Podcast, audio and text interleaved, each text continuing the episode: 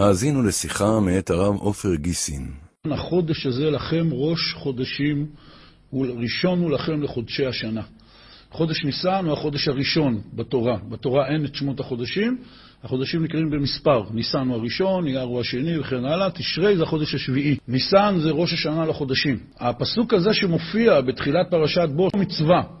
המצווה הזאת היא אחת מתרי"ג מצוות שמוטלת על בית הדין של עם ישראל בכל הדורות, בזמן שבית המקדש קיים, והוא המצווה לעבר חודשים ושנים. כמו שאמרנו, התורה אומרת שמור את חודש האביב, אנחנו מצווים לדאוג שחודש ניסן שאנחנו מונים יצא תמיד באביב, כדי שנחגוג את יציאת מצרים בזמן שהיא קרתה באמת בתקופת האביב. איך עושים את זה? למה זה בעיה? זה בעיה מפני שאנחנו מונים ללוח השנה לפי הירח. ומפני ששנת הירח קצרה משנת השמש בעשרה ימים, במשך שנים זה מתחיל להשתנות. ואחרי כמה שנים יוצא מצב שמה שחג שהיה פעם באביב, פתאום יוצא בחורף וכן הלאה, כמו שיוצא בלוח המוסלמי, שהם סופרים לפי הירח. הלוח הכללי, הלועזי, שנהוג בכל העולם, הוא לוח שהולך לפי השמש. אבל uh, כאשר אנחנו מונים את החודשים לפי הירח, יש לנו בעיה. אנחנו צריכים להשלים את הפער של שנת הירח ושנת השמש. זאת מצוות העיבור, שאנחנו מעברים שנים. עיבור, כמו שאישה מעוברת, יש לה בטן יותר גדולה, אז הרעיון הוא שמעברים את השנים, שיש שנה אחת שהופכת להיות שנה מעוברת. היא השמינה, היא השמינה בחודש. יש לנו לזה לוח מסודר עד סוף כל הזמן, שחז"ל תקנו לנו, אבל בזמן שבית המקדש היה קיים, הכל היה נעשה על ידי בית דין, כולל הכרזה על ראש חודש. לא הלכו על, לפי לוח שנה, אלא אנשים היו רואים את הירח מתחדש, שהרי באמצע החודש הירח מלא. לקראת סוף החודש הירח הוא שחור לגמרי. ברגע שמתחיל חוט כסף ראשון, שזה נקרא שהירח מתחדש, האור של הירח מתחדש, מיד כל יהודי שרואה את זה חייב לעלות לירושלים ולהעיד בבית, בבית המקדש, בלשכת הגזית, איפה שישבו הסנהדרין, להעיד שהוא ראה את החודש מתחדש. היו מגיעים הרבה עדים.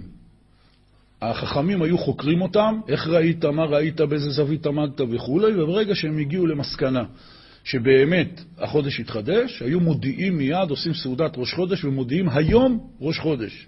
ומפני שלא היו אז אמצעי תקשורת אלקטרוניים, והיו צריכים להודיע לעם ישראל בכל ארץ ישראל ובעבר הירדן ובבבל שהיום ראש חודש, היו מדליקים מדורות גדולות בירושלים, אנשים היו עומדים מוכנים בבקעת הירדן על הר הסרטבה הגבוה מוכנים, רואים את המדורה מירושלים, מדליקים מדורה על הסרטבה, אנשים בירדן היו עומדים ומחכים, רואים את המדורה, מדליקים מדורה, אומרת המשנה במסכת ראש השנה, ולא היו יוצאים כמה שעות שכל המדורה הייתה, כל הגולה הייתה כמדורת אש. ככה היו מודיעים. כי היה צריך באותו יום שהם ידעו שהיום ראש חודש. קביעת לוח השנה הזה הייתה מבוססת על ידע שעבר בעם ישראל מדור לדור ממשה רבנו בתורה שבעל פה, וכתוב במסכת ראש השנה במשנה ובתלמוד, ואחרי כן בפוסקים. היה מבוסס על ידע שעבר במסורת בעם ישראל על אורך חודש הירח. כלומר, הזמן שבו הירח מקיף את כדור הארץ, 29 יום, כך וכך שעות, כך וכך דקות, עד לדיוק של שליש השנייה. כי חז"ל חילקו את היממה ל-24 שעות, וכל שעה מחולקת ל-1080 חלקים. חוכמת העיבור, חז"ל אמרו, יש פסוק בתורה שאומר, כי היא חוכמתכם ובינתכם לעיני העמים, אומרים חז"ל, זאת חוכמת העיבור. שעד היום הזה, הידע המדויק של חז"ל האסטרונומי על, אה, על חודש הירח הוא מדויק. וכפי שהזכרתי פה, במדידות של החללית אפולו, שנאס"א מדדה את זמן הירח ברמה של דיוק של שליש השנייה, הזמן שמדדו על ידי החללית אפולו מדויק ומתאים לחלוטין לידע שעובר אצלנו במשך אלפי שנים. עכשיו, כולם מבינים שזה ידע שחייב להתקבל ממקורות אה, על-טבעיים, מפני שאין שום אפשרות לאדם לשבת ולמדוד, במיוחד בלי שעון אה, וסטופר, אה, עד לרמה של שליש השנייה את הסיבוב שהירח מקיף את אה, כדור הארץ. החוכמה הזאת היא חוכמה אה, גדולה מאוד. הלכות קידוש החודש ברמב"ם, זה רק אדם תלמיד חכם גדול ואסטרונום גדול יכול להבין. זה ידע עמוק. האדם רגיל לא צריך לדעת אותו. המצווה הזאת וכל הפעילות בנושא הזה מוטלת על בית הדין הסנהדרין שיושבים בלשכת הגזית בית המקדש, שייבנה במהרה בימינו, ואז נחזור לעבר חודשים ושנים. התקנה הזאת לקרוא את פרשת החודש בשבת שלפני ראש חודש ניסן נשארה כיום, למרות שאין לה משמעות הלכתית גם בחיי העם, כי אנחנו לא צריכים להיטהר לקראת אכילת קורבן פסח בבית המקדש עד שנה שעברה. השנה נקווה שכן נוכל להיבנה בית המקדש ונוכל לאכול אה, ליל הסדר, יהיה ליל סדר תקין של אכילת קורבן פסח בירושלים. אז המילה חודש בעברית היא באה מזה שהירח מתחדש. מזה באה המילה חודש. ושנה זה בא מלשון שינוי. החיים של האדם הם מאוד דינמיים. אנחנו יצאנו ככה כאן ב-15 השבועות האחרונים לדבר בדברים שקשורים לפרשת השבוע ולחגים ולמועדים. יש כלל מאוד עמוק שכותב אחד מחכמי ישראל ממש בדורנו, הרב דסלר, בספרו מכתב מאליהו. הוא אומר, הטעות של האדם שחושב שהזמן עובר עליו. אבל באמת האדם נוסע בתוך הזמן. הזמן יש לו משמעות. המועדים והחגים שנקבעו על ידי בורא עולם בתורתו, יש איזה תחנות תדלוק, שכל אדם ואדם יכול לקבל מהם אור רוחני לליבו, לנפשו, לרגשות שלו, לשכל שלו, וזה מה שנותן משמעות לזמן. והזמן לא עובר עליו, אלא הוא עובר בתוך הזמן. וכפי שהזכרתי פה ודאי פעם, אמרה שאמר אחד מגדולי חסידי ברסלב, אחרי חג הפסח, אמר לו תלמיד שלו, נו, ברוך השם, עברנו את פסח. אמר לו הרב, השאלה אם פסח עבר עלינו. זו השאלה. כי הפסח וכל מועד ומועד צריך להשאיר חותם והשפעה בתוך נפשו של האדם. והזמן הוא דינמי. אבל לא רק הזמן הוא דינמי, כל הבריאה היא דינמית. מהרמה של ההתבוננות תחת זכוכית המיקרוסקופ ועד לאירועים שקוראים לגלקסיות הכי רחוקות, העולם הוא הר געש של פעילות. מהמבה, דרך החלקיק שמסתובבים בו האטומים והגרעין של האטום, ועד לגוף שלנו, שהוא כל הזמן התאים מתים ומתחדשים והשערות שצומחות, יש איזו אשליה, שאנחנו מסתכלים על העולם, יש לנו אשליה שהעולם הוא סטטי. אבל ברגע שאנחנו מסתכלים במכשירים שהאדם המציא כדי לראות את הדברים, אם זה משקפות או מיקרוסקופים מכל הסוגים או טלסקופים, מה אתה רואה? אתה רואה כל הזמן פעילות, אתה רואה חיים. זאת נקודה מאוד עקרונית בהסתכלות שלנו על החיים.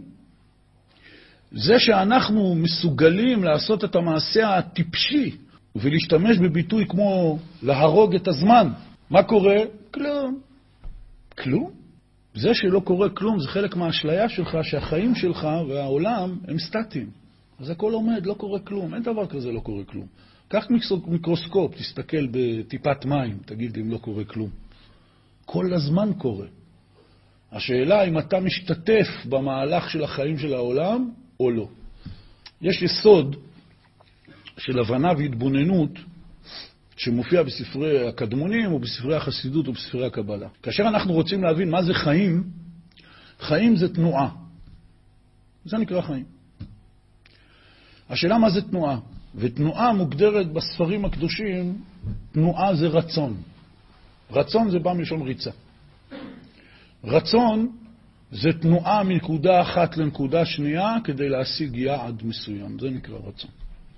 וגם כאשר באדם מתעורר איזשהו רצון, מתחילה התרחשות.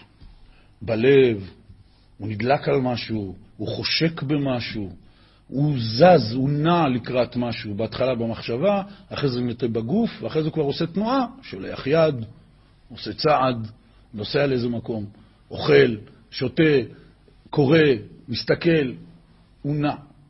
חיים זה תנועה, ותנועה זה רצון. ארץ, השם של כדור הארץ, השם של הבריאה, זה נקרא ארץ, ומזה זה הגיע לשפות זרות, earth, earth בגרמנית, earth באנגלית. זה בא מהמילה ארץ בעברית. ארץ זה גם כן בא מלשון ריצה ורצון. כל הבריאה נעה לקראת משהו. לכל הדברים בעולם יש תכלית. מדעי הטבע מבוססים על זה שלכל תנועה ולכל התרחשות בטבע יש סיבה. והתפקיד של החוקר הוא לגלות מה הסיבה. אם מישהו ישאל למה הפרחים אדומים או למה הים כחול, והוא יגיד לו, סתם. זו תשובה לא רצינית.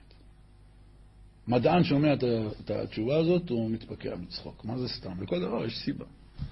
לצבעים, לתנועה, לריחות, וזה החקר של מדעי הטבע, זה לגלות את הסיבה של כל פרט ופרט בבריאה. רק כאשר מגיעים למדעי הרוח, מתחילים לשאול, אוקיי, אז uh, ניקח את כל כדור הארץ, לא ניקח את כל היקום, זה גדול מדי, אבל כדור הארץ זה הר געש של פעילות ושל שינויים בין פרטי הנבראים, שאנחנו יושבים וחוקרים את הסיבה לכל דבר ודבר. עכשיו בא האדם ואומר, אוקיי, יש פה אוסף שלצורך העניין טריליוני שינויים, שיש להם טריליוני סיבות.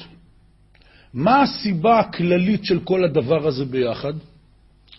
כאן, מעבר לכביש, בפקולטה למדעי הרוח, אומרים לך, סתם. זאת אומרת, איך קוראים לזה? לצ'ופצ'יק של הקומקום, זה לא יכול להיות סתם. אבל הכל ביחד זה סתם. זה לא רציני. אפשר להגיד, אני לא יודע. תשובה טובה. אבל אי אפשר להגיד סתם על אוסף של דברים של בריאה או טבע מונחה תכלית. לכל דבר יש תכלית, לכל דבר יש סיבה. והיצור היחידי בעולם שיכול להחליט על כל הבריאה האדירה הזאת, שמלאה שינויים ותנועה ללא הפסקה, רק דבר מת הוא לא נע, ולכל תנועה יש סיבה, הצמחים ירוקים כי זה הכי טוב של הפוטוסינתזה וכן הלאה, על זה הדרך, זה, זה נקרא סיבות. האדם, הציצור היחידי שיכול לתת את הכל זה ביחד, זה הכל סתם, זה הכל סטטי, הכל עומד ולא קורה כלום והורגים את הזמן, זה רק האדם. זה הפך החיים, זה הפך הטבע, זה הפך הכל. זה הפך הטבע של האדם. האדם רוצה כל הזמן התחדשות. לכן מה שמדברים ברדיו קוראים חדשות, ולכן כל דבר שרוצים לשווק אותו ולעשות לו ככה שיווק אגרסיבי, אז כותבים חדש, 19 סימני קריאה, כוכבים אדומים, הכל חם, מדליק, האט, חם מהתנור. מה קרה? כי אנחנו מחפשים חדשות. האדם משתעמם מאוד בקלות. האדם נאכל מהשגרה מאוד בקלות, והאדם מחפש התחדשות. הוא מסתכל באיזו נקודה חדשה, מאכל חדש, התנסות חדשה, חוויה חדשה והכול. אבל כל עוד אין לו את ההתחדשות הפנימית בתוך הנשמה, אז כל ההתחדשויות החיצוניות הן נגמרות מהר מאוד, והן לא מספקות. ולכן האדם, רוב בני האדם, חיים חיים של חוסר סיפוק. ולכן הם לא מאושרים ולא שמחים. אתם מחפשים כל מיני פטנטים כדי לשמוח. כל הבריאה היא התחדשות אחת שלמה. כל הספירה שלנו, את הזמן, מבוסס על החודש, על ההתחדשות. ולכן הדבר הכי חשוב לאדם זה למצוא את סוד ההתחדשות. איך הוא מתחדש באופן פנימי.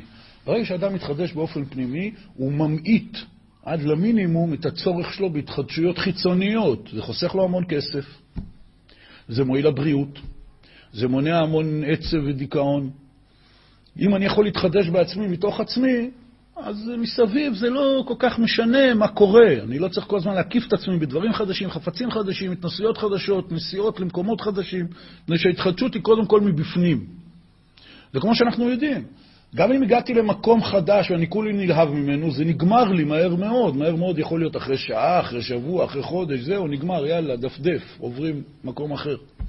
אותו דבר, אוכל חדש, מוזיקה חדשה, בגדים חדשים, בית חדש, זה נגמר בסופו של דבר, ההתלהבות של ההתחדשות.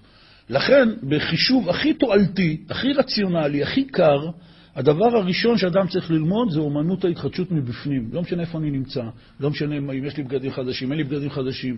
אני בפנים עושה איזה סוויץ', מתחדש. פתאום הכל נראה לי חדש, נוצץ, מדליק. וזה יסוד היסודות של היהדות, זה יסוד היסודות של הקשר של האדם עם הקדוש ברוך הוא. כי הקדוש ברוך הוא חי החיים. הוא נקודת החיים האמיתית. מה שאנחנו מכנים בשם חיים זה רק תוצאה של הבריאה של הקדוש ברוך הוא. הוא בעצמו נקודת החיים. ולאדם יש את הלוקסוס, יש את הפריבילגיה המדהימה, שהוא יכול להתקשר עם הקדוש ברוך הוא בכל רגע נתון, בשבריר שנייה, במחשבה, בדיבור ובמעשה.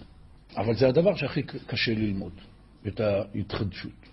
כתוב בפרשת קריאת שמע, חשובה מאוד, אחת מהקטעים הכי יסודיים שיש בחיים של יהודי ובתורה, והיו הדברים האלה אשר הולכים צווך היום על לבביך. אומרים חז"ל, מה זה היום? אומרים, זה צריך להיות בעיניך, בכל יום יהיו בעיניך כחדשים.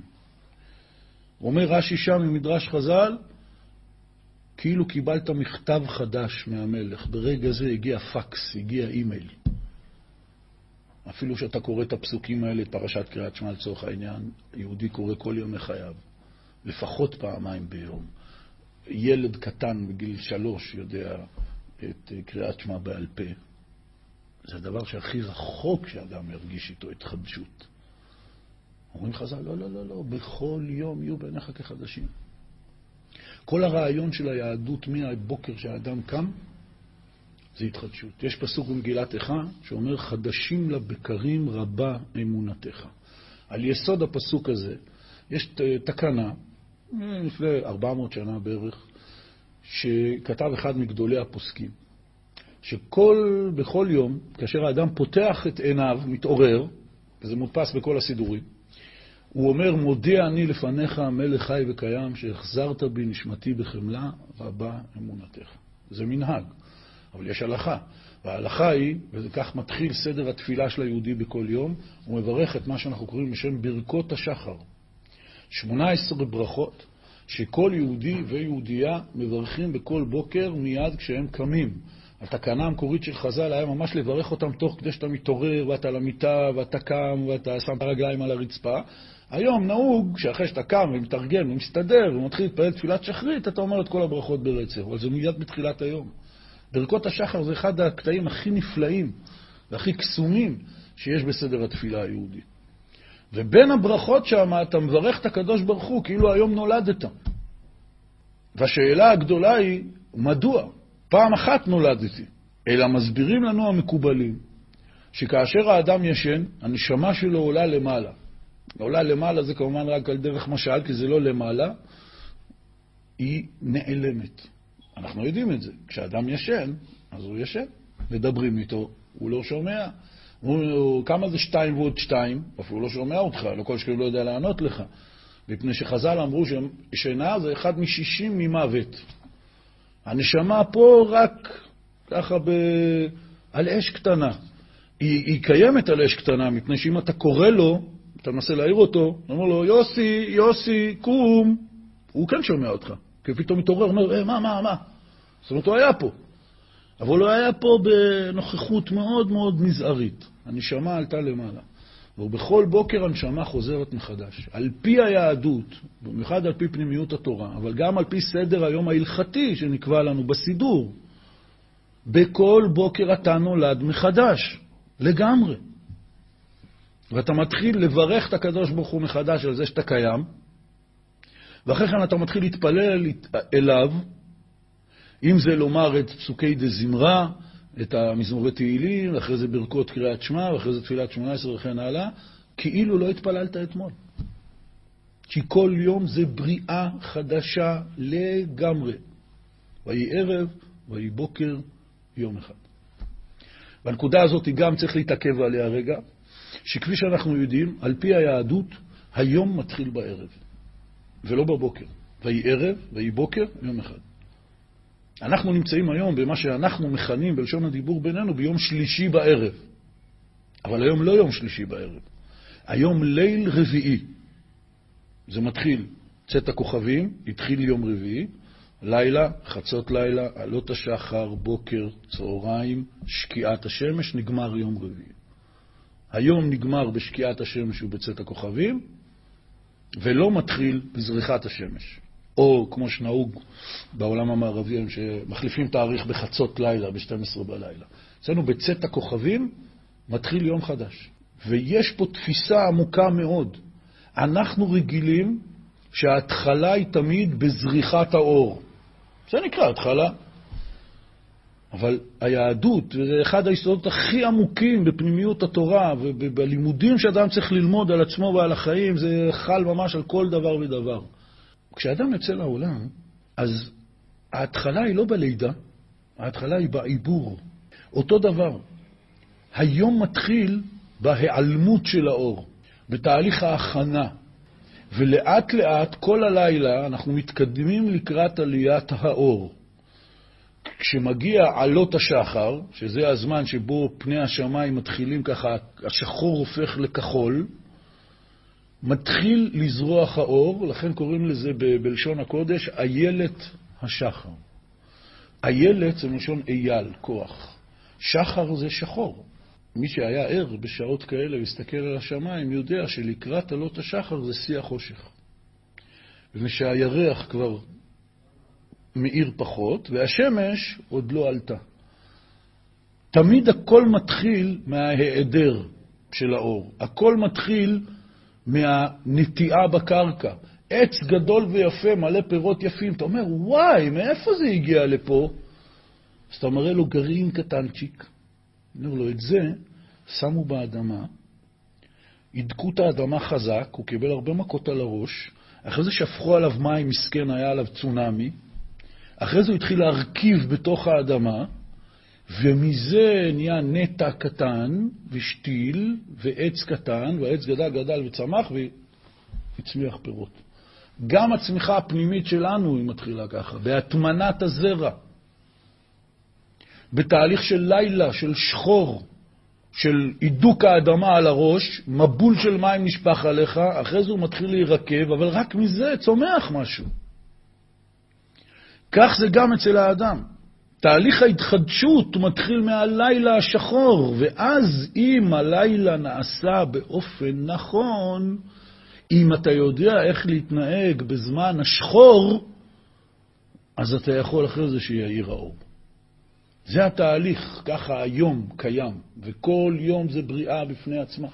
ולכן על פי היהדות ועל פי ההלכה, הכל נמדד בתוך אותו יום. צריך להניח תפילין פעם ביום. עבר היום, מעוות לא יוכל לתקון, אומרים חז"ל. זה פסוק. אין לזה תשלומים. היום הזה עבר. שלוש תפילות ביום זה ביום, וכן הלאה זה הדרך. כמובן ההבדל בין יום חול לבין יום שבת, או בין יום חול לבין יום טוב, חג. הכל בנוי על פי יום. אז זה לעניין ההפסד. אבל כנ"ל זה לעניין הרווח. אומר הזוהר הקדוש, בכל יום יש טוב מיוחד שאתה יכול להשיג. עשינו בהרבה שיחות פה את החישוב המדכא והמזעזע, כמה ימים יש לאדם לחיות בחיים. כל אחד מוזמן לעשות לעצמו את החישוב הזה על הפלאפון שלו, במחשבון. הוא החליט כמה שנים הוא היה רוצה לחיות, נגיד 120 שנה, זה המון. ויכפיל את זה במספר השנים, החודשים והימים, יקבל מספר, כמה ימים יש לו לחיות ב-120 שנה, עכשיו יוריד מזה כמה הוא חי עד היום, יראה כמה נשאר לו. זה מה שיש. זה ממש לא הרבה. המספר הזה מאוד מפתיע. אדם חי כל הזמן באיזו הרגשה וירטואלית, יש לו מיליוני ימים לחיות. מיליונים. אבל אם אדם יעשה חשבון, שנניח נשאר לו בסביבות 50 שנה לחיות, לא משנה בין כמה אתה, יכפיל את זה מספר הימים? לא הרבה. יש המון מה להשיג. אה, כן, אז למה אתה הורג את הזמן? אתה מתחיל איזה יום, לא מצליח לך. אתה אומר, עזוב, זה לא היום שלי. היום הזה עובר, הוא לא יחזור לעולם. כל יום ויום שעובר מאז בריאת העולם ועד אחרית הימים, הוא יום ייחודי שאין לו עותק, אין לו מועד ב', אי אפשר לגבות אותו ולשחזר אותו אחר כך. היום הזה זה יום ייחודי. אם היום התאריך הוא כ"ג אדר ב' תשע"א, יש רק יום אחד כזה עם תאריך כזה בכל ימות בריאת העולם. אבל זה גדול עלינו בריאת העולם וזה, ברור לגמרי שכל יום שעובר עליי בימי חיי, בוודאי שהוא לא יחזור עוד פעם. למה הדבר טוב? לא בשביל להצטער על הימים שעברו, אלא בשביל לקבל חשק ותשוקה לנצל את הימים שיבואו. והזוהר הקדוש אומר, בכל יום יש בו טוב מיוחד. בכל יום בחיים שלך יש איזו נקודת טוב, נקודת שפע, נקודת ברכה, נקודת הצלחה, שאפשר לינוק מהיום הזה. אז למה אני כמעט לא מרגיש על אף יום בחיים שלי שבאמת, איך אומרים, מיציתי אותו? לא כל שכן שיש ימים שחורים. אומר הזוהר הקדוש, לכל יום יש טוב, אבל הטוב הזה מורכב בגדר, מניעה, מכשול. ואם אתה יודע איך לשבר את הגדר הזאת, ובמקום אחר הזוהר אומר שהוא מוקף נחשים ועקרבים, אם אתה יודע להילחם בהם, אז אתה מגיע לטוב. זה לא בא לך לבד. אף אחד לא חתם איתך שום חוזה, ואף אחד לא עובד אצלך, ואין שום, הבריאה לא נותנת לך את הטוב בחינם. אתה צריך לשאוף אליו, לרצות אותו, להילחם עליו. זאת העבודה של האדם בכל יום, על פי הזוהר. לחיות את הזמן, לחיות את הרגע, ולמצות את הטוב שיש ברגע הזה. ולכל רגע יש את הטוב של עצמו. אם אדם לומד תורה, אז הוא ממצה את הטוב מלימוד התורה, ואם הוא עומד בתפילה, אז מתפילה. ואם הוא מדבר עם חבר, אז מהשיחה עם החבר, ואם הוא נותן נשיקה לילד שלו, אז מרגש האהבה שבא כרגע, ואם הוא עוסק בעסקים, אז אה, בעניין הזה, ואם הוא סתם מסתכל על השמיים, אז גם מרגע כזה אפשר למצות את הטוב שלו.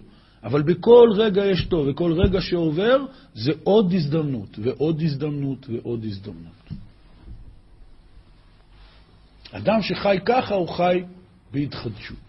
רבי נחמן אומר בלקוטי מוהר"ן, בתורה רע"ב, תורה מאוד קצרה, הוא אומר אותה על הפסוק בתהילים, היום אם בקולו תשמעו, הוא אומר כך, זה כלל גדול בעבודת השם, שלא ישים לנגד עיניו כי אם את אותו היום אין בעסק פרנסה והצטרכותו, צריך שלא יחשוב מיום לחברו, כמובן בספרים, וכן בעבודתו יתברך לא ישים לנגד עיניו כי אם אותו היום ואותו השעה. כי כשרוצים להיכנס בעבודת השם, נדמה להאדם כאילו הוא מסע כבד, ואי אפשר לו לישא מסע כבד כזו. אבל כשיחשוב שאין לו רק אותו היום, לא יהיה לו מסע כלל. וגם שלא ידחה את עצמו מיום לאמור, לומר, מחר אתחיל, מחר אתפלל בכוונה או בכוח כראוי, וכיוצא בזה בשאר העבודות. כי אין לאדם בעולמו כי אם אותו היום ואותו השעה שעומד בו. כי יום המחרת הוא עולם אחר לגמרי. היום, אם בקולו תשמעו, היום דווקא והבן. העולם שרבי נחמן מדבר בו, חי בו, ורוצה שגם אנחנו נחיה בו, זה עולם של עבודת השם. וממילא כל הדברים בחיים שלא קשורים לתורה ותפילה ועבודת השם הם רק אמצעים כדי לתמוך בעיקר. אז רבי נחמן מדבר על זה, אבל הוא בעצמו אומר, זה לא רק בעבודת השם. זה גם בעסק הפרנסה וההצטרכות, כלומר בדברים הכי טריוויאליים, היומיומיים של האדם. רבי נחמן אומר, אתה רוצה את העצה הכי טובה לחיים? תלמד את עצמך לחיות את הרגע.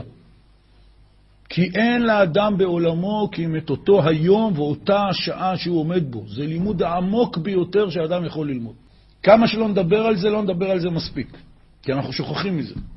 הפתגם הידוע שאומר, העבר אין, העתיד עדיין, וההווה כהרף עין.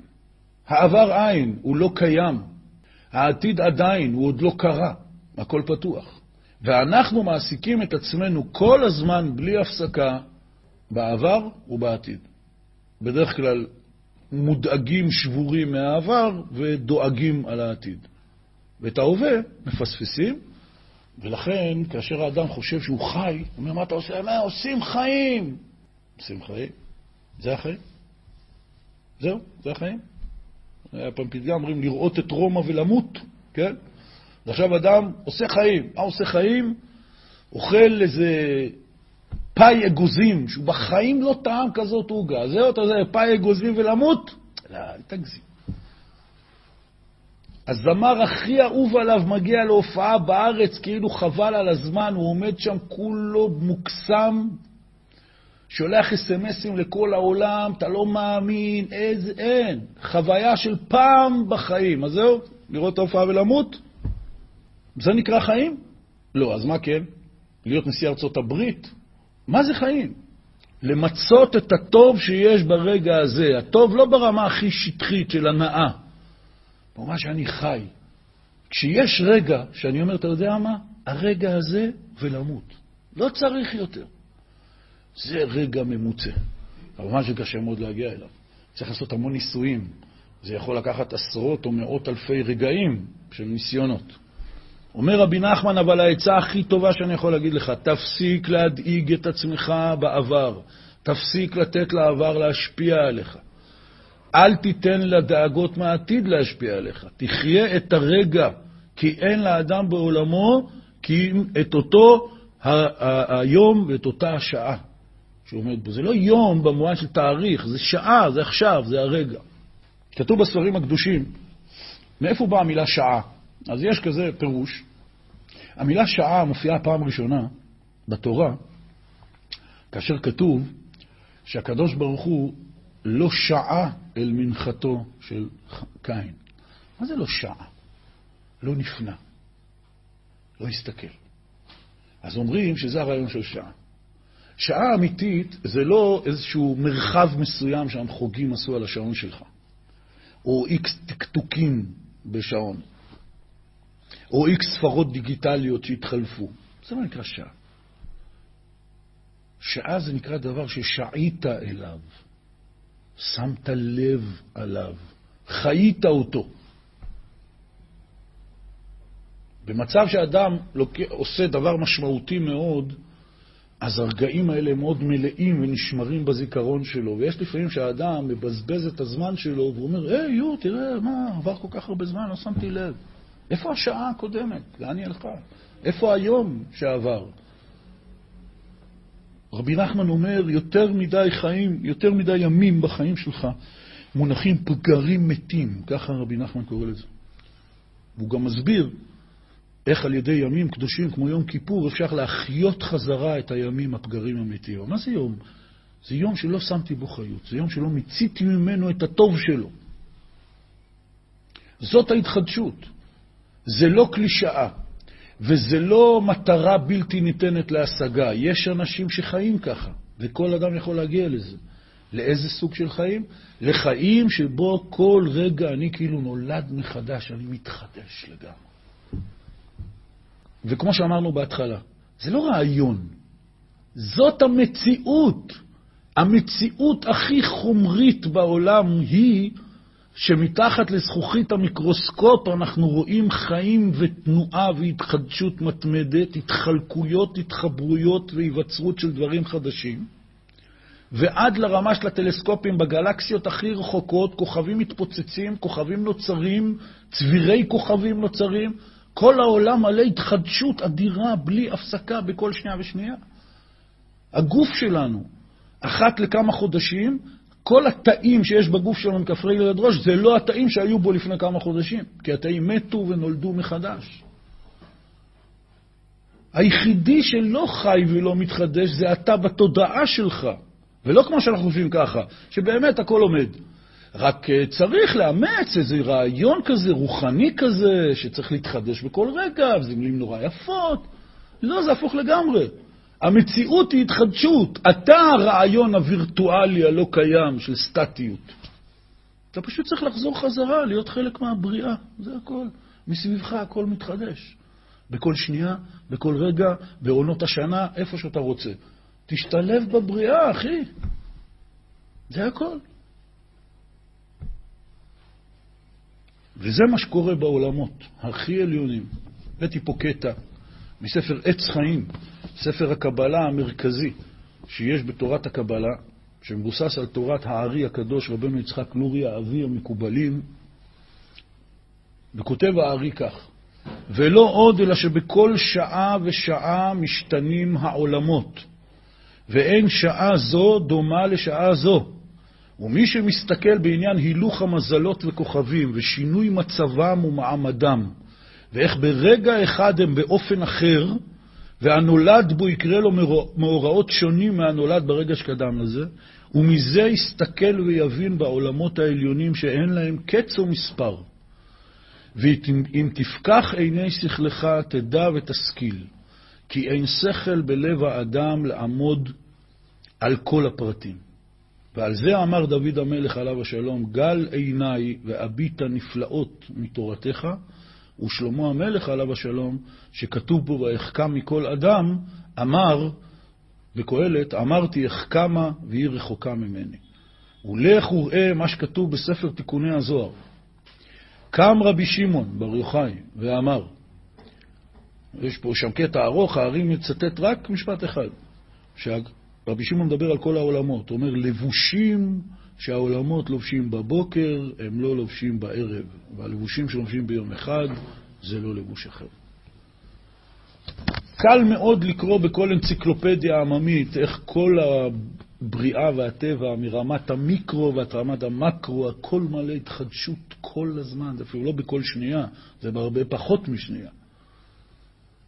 זה בטבע, בגשמיות, אבל גם ברוחניות. בא האדם הכי מוסמך ביהדות לדבר על עולמות עליונים, הארי הקדוש, גדול המקובלים, ומודיע לנו שגם בעולמות העליונים זה כך.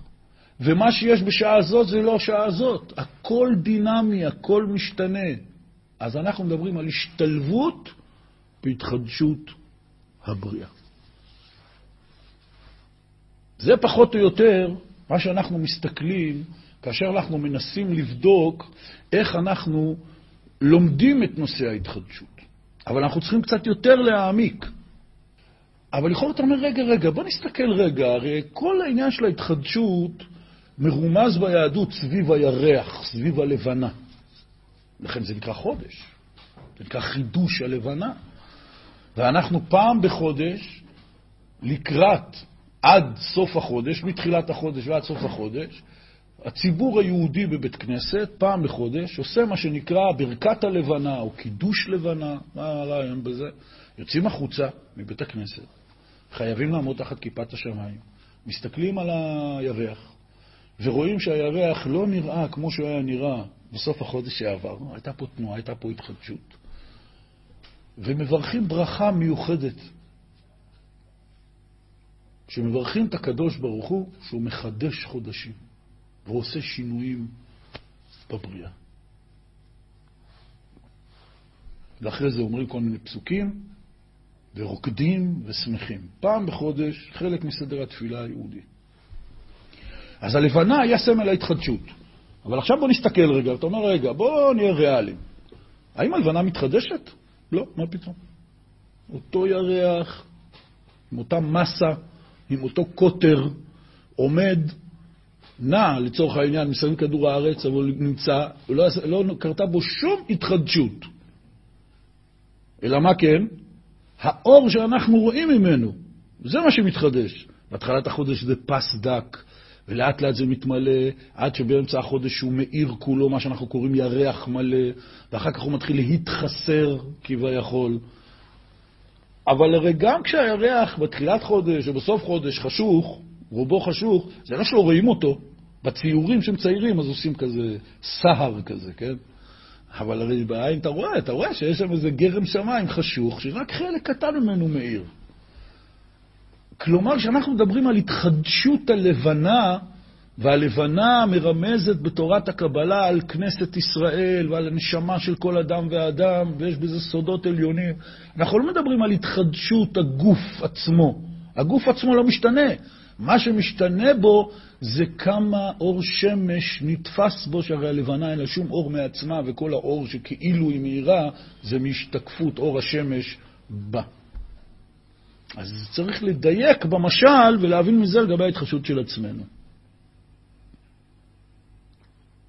שכשאנחנו מדברים על התחדשות פנימית, אנחנו לא מדברים על זה שפתאום אני אהיה יותר גבוה, או אני פתאום ארזה בדקה, או לא יודע, משהו כזה, אני פתאום אהיה צעיר חזרה. לא. הגוף נשאר אותו דבר, הכלי נשאר אותו דבר. מה זה התחדשות? או... זה התנועה הדינמית והתרבות הארת האור שמאיר בך. וכפי שגוף הלבנה, מבחינת טבע בריאתו, והמקום שהוא עומד בשמיים, הוא כלי מוכשר לקבל מאז בריאתו את אור השמש ולהאיר באור אחר, כי השמש היא בצבע של השמש, והירח מאיר בצבע לבן כסוף. אותו אור של השמש. הירח לוקח את האור של השמש ומאיר כאילו מעצמו. כך זה גם אצלי. אני, הגוף שלי, והנפש שלי, והנשמה שלי, הכישרונות שלי, התכונות שלי, הם הכל כלי שניתן לי כדי שאני אוכל להאיר בעולם. האור, שתכף נדבר מהו, האור נתפס בי ומאיר בי.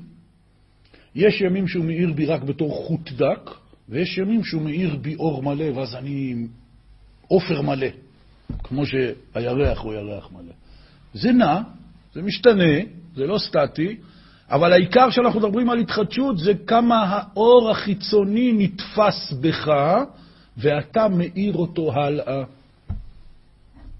זה לא קופי של האור שנתפס בך, כמו שהאור של השמש הוא בצבע אחר ומהות אחרת מאשר האור שהלבנה מאירה לנו, בעקבות הכלי. זאת אומרת שכאשר אני מדבר על התחדשות פנימית, אני צריך ללמוד מהמשל של התחדשות הירח ושל החודש, שעיקר ההתחדשות הפנימית זה איך האור מאיר בי. זה לא משנה אותי, זה משנה כמה האור מאיר דרכי. זה מה שאני צריך לחפש בהתחדשות. כאשר חכמי ישראל מדברים על התפילה, יש כל מיני תנאים בתפילה. אחד התנאים, אומר אחד מחכמי ישראל, האור החיים הקדוש, הוא אומר שאתה צריך להתפלל השם שהתפילות שלך יתגשמו ושלא רק אתה תהנה מזה. זה היסוד המרכזי של היהדות, שהאדם נברא כדי לעזור לאחרים, לתקן אחרים, להאיר עבור אחרים. כל אדם, יש להניח, אם הוא לא שוכח, הוא היה מאוד רוצה להתפלל ככה זה עשר פעמים ביום, אה, שיהיה לו הרבה כסף. בשביל מה אתה צריך הרבה כסף? לספק כל מיני תאוות ויצרים שלך. היצר הראשון, להיות עשיר, זה יצר בפני עצמו. בלי לקנות כלום. יש עשירים קמצנים, הם לא משתמשים בכסף שלהם, רק נהנים מעצם זה שיש להם. זה רכושנות. כמו שילד מתחיל לאסוף לעצמו כל מיני דברים, זה שלי. אפילו שאין לו מה, אתה אומר, מה תעשה עם זה? לא משנה, העיקר שזה שלי. אבל הדרך האמיתית היא שאפילו אם אתה מתפלל להיות עשיר, תתפלל, ריבונו של עולם, תעשה שאני אהיה עשיר ושאחרים ייהנו ממני. זה המהות של בן אדם בעולם. המהות של בן אדם בעולם זה להרבות טוב, להרבות טוב לאחרים. זה היסוד השלישי, כמו שאמרנו הרבה פעמים. חז"ל אומרים שלושה דברים העולם עומד. על התורה ועל העבודה ועל גמילות חסדים. על התורה, לימוד התורה. העבודה, פירוש עבודת השם, התפילה. וגמילות חסדים, היחס של בן אדם לחברו, לגמול חסד, להאיר הלאה. זאת ההתחדשות. אדם שרוצה התחדשות רק לעצמו, כי הוא יכול לחייך לעצמו, כזה חיוך מסתורי לעצמו, והוא יודע שעכשיו בפנים הוא יתחדש. זה לא התחדשות מלאה. התחדשות מלאה זה התחדשות שאדם אחר ייהנה מזה. אם אני פתאום באה לי שמחה בלב, עם סיבה או בלי סיבה, אז אני אומר, אוקיי, תודה, נעים, נעים להיות בשמחה. עכשיו שלב הבא, מיידי, הכרחי, חיוב, מה? שאחרים גם ייהנו מזה. תחייך לבן אדם השני. כשאדם מסתכל בפנים שמחות של אדם אחר, זה משפיע עליו. תעזור, תעניק, תשפיע. למה? כי ככה אתה מפרה ומרבה את הטוב שלך. אדם מקבל קילו גרעיני חיטה. יכול לטחון אותם, לעשות מהם קמח ולייצר מהם כיכר לחם אחת או שתיים. זה, אוכל את הלחם, נגמר הקילו. אבל הוא יכול גם לזרוע את הקילו גרעיני חיטה, וממנו יגדל שדה שלם של חיטה, שממנו יוכלו להפוך אלפי כיכרות לחם. כי כל זרע של חיטה שהוא אה, זורע באדמה, צומחת מזה שיבולת שיש עליה כמה עשרות גרעינים, וכן הלאה על זה הדרך. ידוע הסיפור העממי המפורסם שקיים כמעט בכל התרבויות, על הבחורה שהלכה מהכפר לעיר למכור את הביצים. הלכה עם סל ביצים, והחזיקה אותו על הראש, כנהוג בהרבה מקומות, כי זה הדרך הכי נוחה כשאתה הולך להחזיק סל ביצים. והתחילה לחלום. האם עכשיו אני אקח את הביצים האלה, ואני אתן לתרנגולות לדגור עליהם, ויצאו אפרוחים, ואז יהיה לי כך וכך תרנגולות, והתרנגולות האלה יקטילו ביצים, ואז יתחיל לעשות כל מיני חישובים בטורים הנדסיים, ואז אני אמכור, ואז יהיה לי אלפי תרנגולות, ואני אמכור אותם, ואני אתעשר, ואני כבר לא אצטרך לגור בבקתה בכפר, אני אבנה ארמון מפואר, ואז אני אכריז, אני אעשה את הנשף הכי גדול שהיה, ויגיעו אלפי אורחים, ויהיה הדבר, הנשף הכי מפואר שיש, ואז האורחים יבואו, ואני אלבש את השמלה הכי יפה, של העשירה הכי גדולה, כי יש לה מיליון תרנגולות. ואז האורחים יבואו, ואני אקוד להם קידה, ואז יקד הקידה, ונפל הסל מהראש, ונשברו כל הביצים. כן, זה סיפור עם חוכמת חיים. כשאתה, יש לך טוב, שיש לך שנייה של התחדשות, אם אתה תזרע את ההתחדשות הזאת באופן כזה שאתה מעניק גם לאנשים אחרים מהטוב שיש לך, אז זה כמו לזרוע זרעים של חיטה באדמה ולגדל מהם יבול ענקי. לעומת הכיכר לחם הקטן שאתה יכול לאפות לעצמך. זה נקודה בהתחדשות. אבל מה זה האור הזה? במשל הזה, שבעצם בירח לא משתנה כלום, מה שמשתנה זה ההערה שהשמש מאירה בו והוא מאיר לאחרים, כך זה גם באדם. אי אפשר לייצר התחדשות פנימית מזה שמדברים על זה. אדם צריך להיות כלי לאור.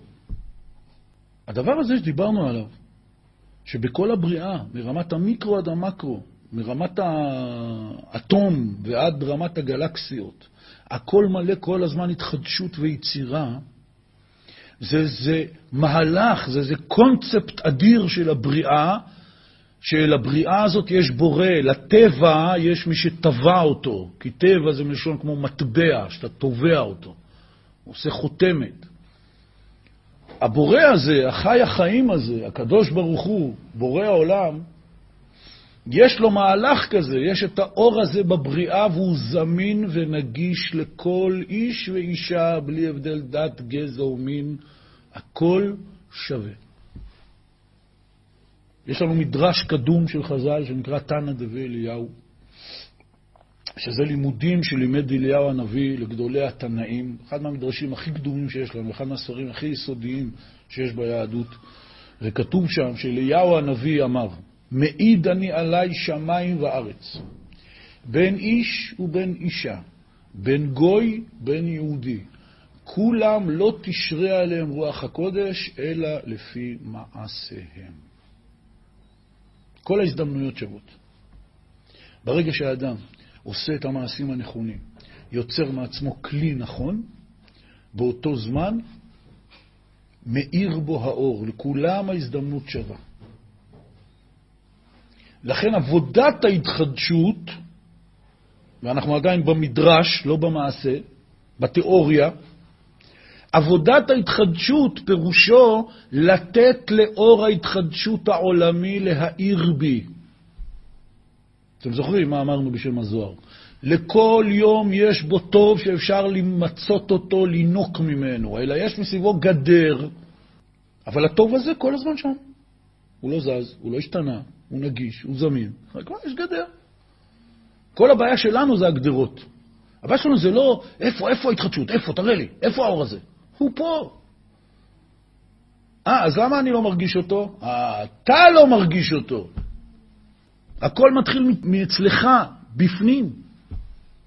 יש לך מסכים, יש לך גדרות, צריך להסיר אותם. תסיר את המסכים, הטוב הזה מיד מגיע. האור הזה מיד מאיר בך.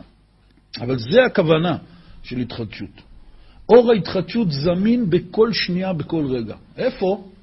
זאת התורה הקדושה, מה שאנחנו מכנים, לא הספר עצמו והאותיות.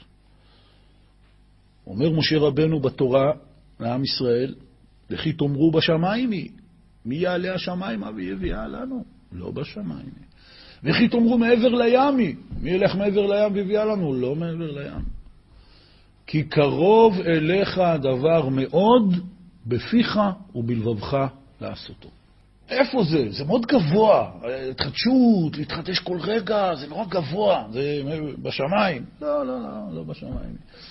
זה רחוק נורא ממני כרגע, אני עכשיו לא במקום הזה. לא, לא, לא, זה לא בשום רחוק, זה, לא, זה פה כל הזמן. קרוב אליך הדבר מאוד. איזה דבר?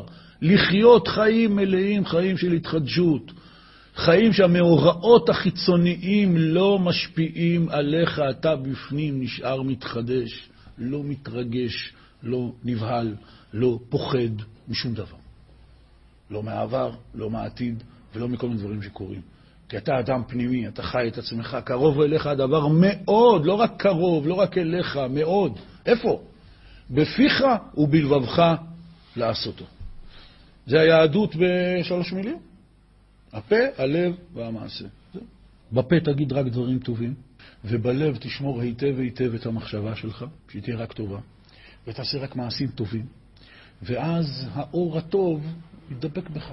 אתה לא מאמין? נשמע לך קלישאה, נשמע לך המצאה, נשמע לך הבטחה ללא כיסוי, תנסה. תעשה מדי פעם תרגול של יום שלם שאתה אומר רק דברים טובים, חושב רק דברים טובים, עושה רק דברים טובים. מה זה טובים? מי יגדיר טובים? אה, לא צריך ללכת לפקולטה לפילוסופיה. מה שאתה מרגיש כרגע שזה טוב. מה שאתה מגדיר בתור טוב, או הפוך. סור מרע, מעשה טוב. כל דבר שמרגיש לך, כמו שאומרים היום, מרגיש לך רע, אתה לא עושה. אתה לא אומר, אתה לא חושב, אתה לא עושה. שום דבר שאתה מרגיש בוויברציה שזה רע, זה שלילי. אני חיובי כל היום. בא לי מחשבה לא טובה, חושב ישר על משהו אחר טוב. בא לי להגיד דיבור לא טוב לבן אדם, לא אומר אותו. בא לי לעשות מעשה שהוא לא טוב בהגדרה, איזה הגדרה שלי? לא עושה אותו. תנסה כמה ימים כאלה, תראה מה אתה מרגיש. נראה אם אתה תרגיש מתחדש או לא מתחדש. ואחרי שתעשה את זה, תבין שהרע הזה, זה הנחשים והעקרבים, זאת הגדר, הוא מונע ממך לינוק טוב, כי בשביל לינוק טוב, בשביל שיאיר בך האור הטוב, צריך כלי טוב, אין מה לעשות. כלי רע, מושך רוע, כלי טוב, מושך טוב. עד כאן המדרש, מה המעשה? אז נתנו תרגיל, אבל זה נשמע תרגיל כבד. יום שלם, רק מחשבות טובות, רק דיבורים טובים, רק מעשים טובים? מה, אתה, מה אתה חושב, שאני מושלם? מה, אני משה רבנו? לא, אבל כבר דיברנו פה כמה פעמים, כשאנחנו אומרים יום, אנחנו סתם מגזימים. רגע, לא יום, רגע. תתחיל לחיות רגעים כאלה, רגעים טובים.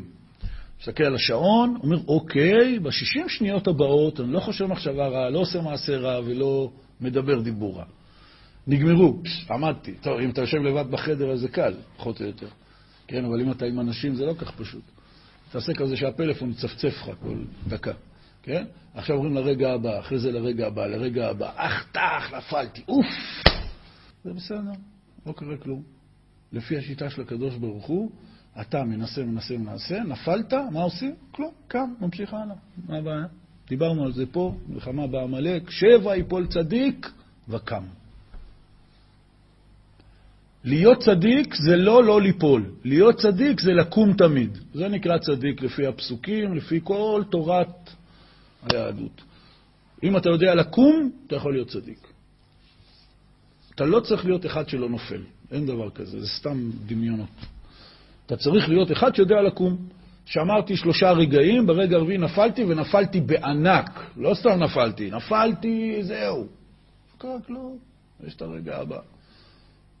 אצל חסידי ברסלב נוהגים תמיד, אה, הם חיו באוקראינה, ובאוקראינה היה מנהג כזה בכפרים של הגויים, שהולכים מכות, כזה קרבות אגרוף עממיים. אז השיטה באוקראינה הייתה לא כמו באגרוף או בקראטה או בכל סוג של לחימה, שנלחמים אחד בשני שאחד אה, נופל, נוקאוט, אלא עובדים לפי תור. עומדים שני אנשים, כל אחד בתורו מוריד לשני סתירה אדירה, וסתירה של אוקראיני זה לא פשוט. טוב, ההוא נופל, רואה כוכבים, אבל זהו, עכשיו תורו. הוא קם, מוריד לשני סטירה. מי שכבר לא יכול לקום, הפסיד. הקהל עומד מסביב, והוא מוריד לו סטירה, הוא נופל, רואה כוכבים, עכשיו זהו, הוא חושב, זהו, גמרנו, הלך עליי. אז כולם צועקים לו, קום! הקהל מסביב, התומכים שלו, אומרים לו, אז באוקראיני זה כנראה נשמע מאוד יפה, אז מה שהיו צועקים לו, אומרים לו ככה, הוא נותן סטירה, אתה נותן סטירה. יש היגיון בשיגעון. עכשיו תורך, קום, תוריד לו סטירה חזרה. אז אמרו חסידי ברסלב, זה בדיוק המהלך בעבודה הרוחנית של האדם. ניסית, ניסית, פתאום קיבלת סטירה, וכמו שאומרים היום, מה המצב? על הפנים, על הקרשים, זה הכל דימויים מעולם האגרוף, כמו שאומרים. זהו. אומרים לו, הוא מוריד סטירה, היצר הרע, הרע מוריד לך סטירה, אתה מוריד סטירה. עכשיו תורך, קום, תוריד לו סטירה חזרה. זה נקרא לוחם. לוחם זה לא אחד שתמיד מנצח כמו בסרטים והכל קטן עליו ועובר לידו. לא, במלחמה אמיתית, מי שהיה פעם רואה הלך מכות, אמיתי במלחמה, כולם מיוזעים, גמורים, עייפים, נראים ממש לא טוב. חבולים, שרוטים, ממשיכים להילחם. זה נקרא מלחמה. מתאגרף בקרב רציני, אז פה יש לו פנס, פה יש לו שריטה, פה הוא כבר לא יכול לנשום, אבל הוא ממשיך להילחם. זה נקרא לוחם. אותו דבר זה בעבודה רוחנית. מה זה עבודה רוחנית? ניסיתי רגע אחד של פה, לב ומעשה טובים, כדי שהאור הטוב של ההתחדשות יאיר בי. ניסיתי, הצלחתי, אחת, שתיים, שלוש. פעם רביעית, בום, נפלתי בגדול. מה עושים? שום דבר. הוא נתן סטירה, תקום, תן לו סטירה חזרה. מתחילים מחדש מהרגע הבא. זה התחדשות. שבע יפול צדיק וקם. זה כל הסוד. אז רגע ברגע. אבל יש משהו הרבה יותר ספציפי שצריך להגיד על תורת ועבודת ההתחדשות למעשה. יצאה הכי הכי מעשית, טכנית. הגוף שלנו גם כן מתעייף. אדם לא אוכל, לא ישן, הוא עייף, הוא חלש, התפקוד שלו יורד בכל תחום. אין לו כוח, כן, אתם מכירים את זה, אחד בא להרים איזה משקל, לא מצליח, אומרים לו, מה קרה, לא אכלת היום ארוחת בוקר? כן, ארוחת בוקר זה מאוד חשוב, חז"ל אמרו, פת שחרית, זה מאוד בריא, נותן כוח לכל היום. לא סתם אימא רדפה אחרינו עם הסנדוויץ' שהלכנו לבית ספר, או כל האימהות בכל העולם. כן, הגוף, הוא לא אוכל, הוא לא מקבל את המזון שלו, הוא הופך להיות יותר חלש, גופנית, וגם כל כוחות הגוף והנפש נחלשים. אדם פתאום רואה פחות טוב, הוא לא מסוגל לחשוב בבהירות, הוא, הוא, הוא היה פעם מדבר uh, בצורה נורמלית, רהוטה, או פתאום כזה לא יודע כל כך, הוא אומר, מה קורה לך? אתה לא מאופס. כן, לא אכלתי היום. אה, אוקיי. לא ישנתי, ישנתי בלילה שעתיים. אה, בסדר, אוקיי. זאת אומרת, הגוף, כדי לתפקד, צריך מזון. גם הנשמה, כדי לתפקד, צריכה מזון. אחד הדברים שאדם חייב לעשות לעצמו באיזשהו רגע, זה לשבת ולהגדיר לעצמו עדיף כל יום, אבל סתם באופן כללי. מה המזון שאני נותן לנשמה שלי והאם הוא מתאים לה? הולכים לתזונאית, נותנת לך רשימה, אתה לא אוכל נכון, צריך לאכול בריא. זאת אומרת, לא כל אוכל שאוכלים הוא גם נכון ובריא ומתאים. ככה זה גם לנשמה. מה המזון שאתה נותן לנשמה שלך? אתה נותן לה מזון, בטח. רק אולי כדאי לבדוק, אולי זה לא מתאים לנשמה שלך, אולי זה אוכל שעושה קולסטרול וכל מיני דברים, אתה יודע, גורם נזקים. אתה אוכל, שבע, מבסוט, איזה ארוחה, חבל על הזמן. תלך לתזונאי או לרופא, הוא יעשה לך שחור בעיניים מה, מה האוכל הזה עשה לך בגוף. אז אולי יש גם מזון כזה לנשמה. אבל בכל מקרה, כשאדם מרגיש שהוא צריך עכשיו לעבוד, צריך לעשות משהו, אז הוא מחכה שנייה, אני חייב לאכול משהו. יושב, אוכל משהו, הגוף מקבל את המזון שלו, אפשר לגשת לעבודה. אותו דבר כאן. כדי שתהיה התחדשות בנשמה, כמו שכדי שתהיה התחדשות בגוף צריך לאכול ולישון, גם כדי לעשות התחדשות בנשמה צריך לאכול ולישון.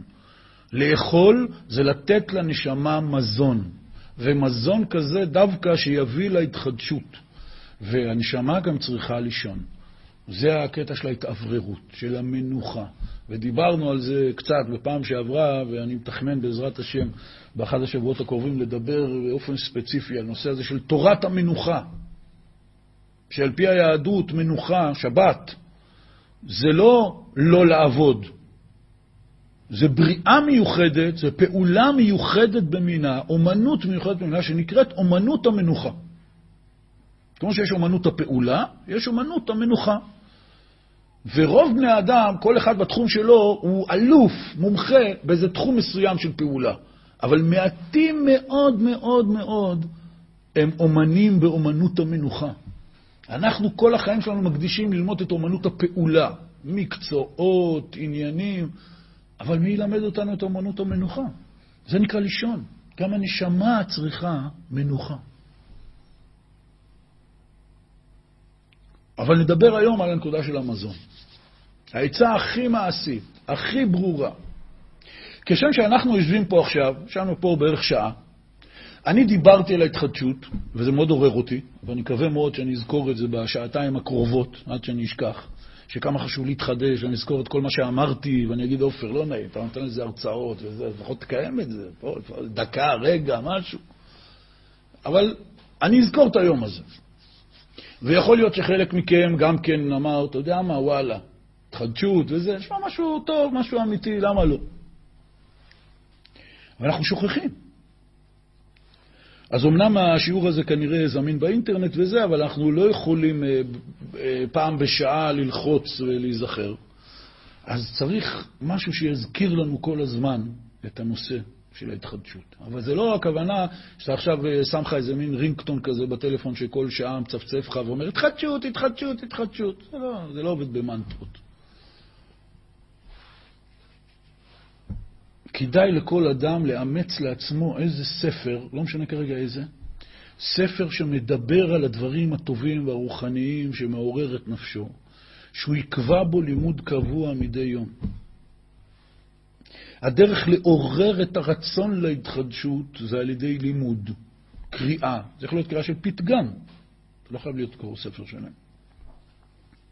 ודווקא ספר כזה עדיף שנכתב באופן כזה שבעצם המילים שלו והרעיונות שלו, יש בהם עוצמה. הלימוד מעורר רצון להתחדשות. ועל ידי שהאדם מתפלל, הוא מייצר את ההתחדשות. אבל כדי שיהיה רצון, זאת עיקר הבעיה שלנו. אנחנו חושבים שכל דבר שאנחנו מסכימים שהוא נכון, זה נקרא שאנחנו רוצים אותו. וזה ממש טעות מאוד גדולה. כאילו אתה מדבר על איזה רעיון, אומר, אתה יודע מה? אין, אני איתך, איפה צריך לחתום? אתה מקים מפלגה, משהו, עצומה, אני איתך. לא. לכל אחד מאיתנו יש אלפי רעיונות וערכים טובים, נפלאים ואמיתיים שהוא מסכים איתם בכל ליבו, אבל הוא לא חי אותם. כי הוא צריך לרצות אותם. לרצות אותם זה אומר שאם בן אדם שוכב בבית שלו אמצע הלילה ופתאום בא לו פיצה, הוא לא מוצא טלפון של פיצה שעכשיו עושה משלוחים. הוא לא מתעצל, הוא מתלבש, הוא יורד, מתחיל להסתובב ברחוב, מתחפש פיצריה פתוחה. למה? מה קרה עכשיו באמצע הלילה? מה נפל עליך? אני רוצה פיצה, בא לי, מתחשק לי. כשבן אדם רוצה משהו, הוא רודף אחריו. אז אני מסכים שהתחדשות זה נכון. אז למה אין לי התחדשות? כי אני לא רוצה אותה, במובן שאני חושק בהתחדשות. רבי נחמן דיבר פעם על דברים רוחניים מאוד גבוהים בעבודת השם, ורבי נתן תלמידו נאנח, כל כך הסכים עם מה שהרב אמר. אומר לו הרב, גם אני רוצה את זה, אבל זה לא יוצא לי. אמר לו רבי נחמן, אתה רוצה לרצות? עוד לא התחלת בכלל. כשאתה אומר לי, אני רוצה, אתה מתכוון, אני מסכים. השאלה אם אתה רוצה לרצות את זה, אתה רוצה להיות אדם חושק? לא, כי אתה לא נראה לי אדם חושק. מה זה אדם חושק? כשרבי נחמן דיבר פעם ראשונה עם רבי נתן על העצה הנפלאה של ההתבודדות, שהאדם יקדיש לעצמו שעה בכל יום לדבר עם הקדוש ברוך הוא במילים שלו, בצורה הכי אינטימית, הכי אמיתית, לפרש את שיחתו, והסביר לו איזו תורה מאוד מאוד עמוקה, תורה נ"ב בלקוטי מוהר"ן.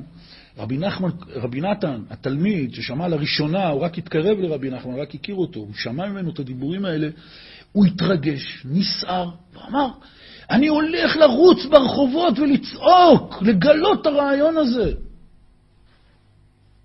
רבי נחמן שם לו את היד על הכתף, הוא אמר לו, עמוד, כי לא תפעל כלל. זה לא יעזור. זה לא הדרך ללכת לצעוק ברחובות. זה, לא, לא ככה מחדירים לאנשים ערכים אה, רוחניים חדשים. אבל זה נקרא לרצות. לרצות זה אומר, אני מדבר פה על התחדשות, ואני יושב די שקט בכיסא, ואתם ממש שקטים בכיסא. כמובן שאף אחד לא יודע מה בליבו של חברו. אבל אנחנו יודעים שכאשר בן אדם מתעורר בפנים, הוא צריך להרגיע את עצמו, כי הוא אומר, עזוב, עזוב, בוא, לא נתחיל לעשות דברים, לא... תשמור על פאסון. אבל בפנים אש בוערת. זה נקרא לרצות לרצות. לייצר את הרצון להתחדשות זה על ידי לימוד תמידי, עקבי, יומיומי, בדברים טובים שמעוררים אותי להתחדשות. ביהדות נהוג שהאדם יבחר לעצמו איזה ספר חסידות, או ספר מוסר, או ספר מחז"ל, שהוא עוסק בו באופן קבוע.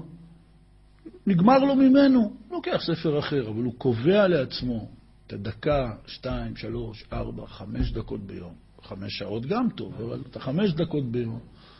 שהוא מזכיר לעצמו מי אני, לשם אני, מה אני כאן ומה אני רוצה באמת. אני לא רוצה כסף, אני לא רוצה כבוד, אני לא רוצה את מה שנראה לי שאני רוצה, מה אני רוצה באמת, בתוך נקודת הרצון הפנימי שלי, אני רוצה התחדשות, אני רוצה חיים. אני צריך מישהו שיזכיר לי את זה מדי פעם. ואם אני לא אזכיר לעצמי, אז אני לא אזכור. אני קובע סדר קבוע בתזכורת ההתחדשות. זו עצה מעשית, טכנית, שכל אדם יכול לעשות אותה. לוקח לעצמו איזה ספר קטן בכיס, או איזה חוברת, או איזה דף קטן שהוא העתיק עליו כמה פתגמים נורא יפים שככה ממצים את הרעיון, מסתכל בו מדי פעם, מציץ. אה, אוקיי, סטארטר, מתניעים מחדש, אני מתחיל לרצות. עכשיו צריך תפילה, צריך דיבור, צריך לב, צריך מעשה. אבל זה העצה. מזה שאני יודע את רעיון ההתחדשות ומסכים איתו, אני לא אייצר התחדשות. שני האמצעים היחידים שקיבלנו מאבותינו ורבותינו במשך אלפי שנים, וברוך השם הכל בדוק ומנוסה, יותר מכל שאר הרעיונות המשווקים כיום, שני האמצעים היחידים זה תורה ותפילה. לימוד תזכורת ותפילה לבטא את הרצון החוצה. זה הכול. אנחנו נוהגים לבטא את הרצון החוצה בתפילה לקדוש ברוך הוא. יש אחד יגיד, אני רוצה לבטא את הרצון בריקוד. בסדר. אבל אתה חייב חמש דקות ביום של לעורר את השכל אל הרעיונות הנכונים לייצר רצון, זה נקרא אצלנו לימוד תורה, ואתה צריך חמש דקות ביום לבטא את הרצונות וה... דברים שאתה מתחשקים לך באופן חיצוני, בדיבור, בשירה, בזמרה, בריקוד. מי שאין לו את שתי הפינות האלה ביום, לא יודע מה זה חיים. אז אנחנו מדברים על זה במובן היהודי, הסטנדרטי שקיבלנו מאבותינו ורבותינו, של תורה ותפילה, עם כל מה שכרוך בזה. מי שעדיין לא מונח שם, לא קרה כלום. תייצר לעצמך תורה של עצמך, איזה פתק שכתוב עליו כמה רעיונות ש... יזכירו לך מה צריך לעשות, וקח לעצמך חמש דקות להוציא את הרצון הזה החוצה. בשירה, בזמרה, בחיוך, בריקוד, בדיבור, איך שאתה רוצה. אבל אתה חייב לייצר את הרצון ולתפעל אותו, לפמפם אותו בעבודה רוחנית אמיתית. ואתה עושה לעצמך סדנה בכל שעה. דקה זה, דקה זה. חמש דקות, חמש דקות, שעה, שעה. עדיף שעה ביום לימוד, שעה ביום תפילה. ועכשיו מתחילים, עושים תחנות בכל שעה ביום, כמו שסדר היום היהודי, דוד המלך תיקן לנו תקנה נפלאה, מאה ברכות בכל יום. כשאדם אומר את הברכות שיש בתפילת שחרית, מנחה וערבית, והברכות שאומר בברכת המזון, שהוא אוכל נגיד פעמיים ביום, וברכות הנהנים, ועוד כל מיני סוגי ברכות, אדם יהודי בסדר יום נורמלי אומר קרוב למאה ברכות בכל יום. הברכות האלה זה תחנות שאני נזכר. ברוך אתה השם, אלוקינו, מלך העולם. כוס קפה, שהכל נהיה בדברו. תפוח, בורא פרי העץ. בננה, בורא פרי האדמה. ראיתי ברק בחורף, עושה מעשה בראשית. רואה את האוקיינוס עושה את הים הגדול. יצאתי מהשירותים אשר יצר את האדם בחוכמה. על כל דבר יש ברכה. מה זה ברוך? ברוך על פי מפרשי התפילה, פירושו לא אני מברך אותך, או אתה מבורך. אין מי שיכול לברך את הקדוש ברוך הוא. הוא לא צריך ברכה. ברוך הכוונה שהוא המבריך, הוא הבריכה העליונה. אתה מקור הברכה. ברוך אתה השם, אלוקינו מלך העולם, פירושו. אתה המנהיג של העולם. ואתה מקור כל הברכות. ואני אדם ריק, חסר, צריך ברכה. אז למי אני פונה? אל מקור הברכות. מתחבר, כמו שקוראים לזה היום. כל ברכה זה צינור שאני לוקח ויונק ממנו ברכה, יונק ממנו התחדשות. יש אפשרות, כמו הרבה אנשים שאומרים מצוות לצערנו הרב, שהברכות שלהם הם כגוף בלא נשמה ובלי כוונה, והברכות זה סוג של מין מלמול מונוטוני שחוזר כמה פעמים במשך היום, וזהו.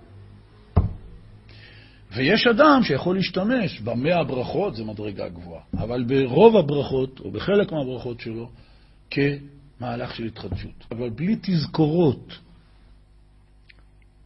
ובלי להוציא מהכוח אל הפועל את מה שהתזכורת מייצרת לך בלב, לא תזכה להתחדשות. ניתן להשיג שיעורים נוספים מאת הרב עופר גיסין בטלפון 0527 121231